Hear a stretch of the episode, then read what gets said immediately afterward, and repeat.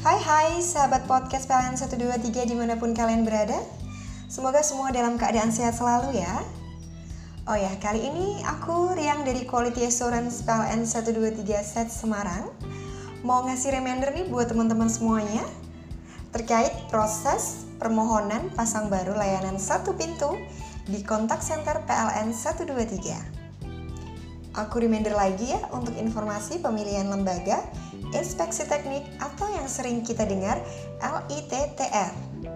Jadi, untuk pemilihan LITTR SLO, teman-teman harus membacakan sesuai urutan yang terdapat pada aplikasi.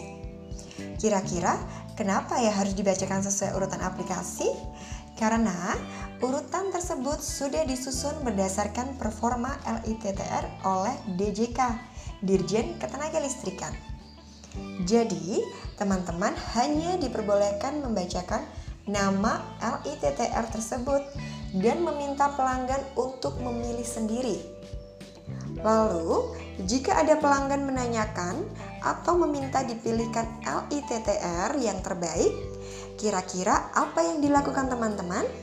Tentunya, teman-teman dapat menjelaskan semua LITTR yang terdaftar baik dan pelanggan diminta untuk tetap memilih sendiri. Jadi, teman-teman tidak diperkenankan untuk menyampaikan salah satu nama LITTR tersebut. Karena apa teman-teman? Karena jika kedapatan teman-teman menyampaikan atau memilihkan nama salah satu LITTR tertentu, maka akan dilakukan tindakan pembinaan secara tegas karena ini berkaitan dengan integritas layanan di kontak center PLN 123.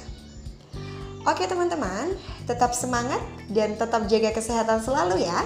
Sampai jumpa lagi di edisi podcast PLN 123 berikutnya.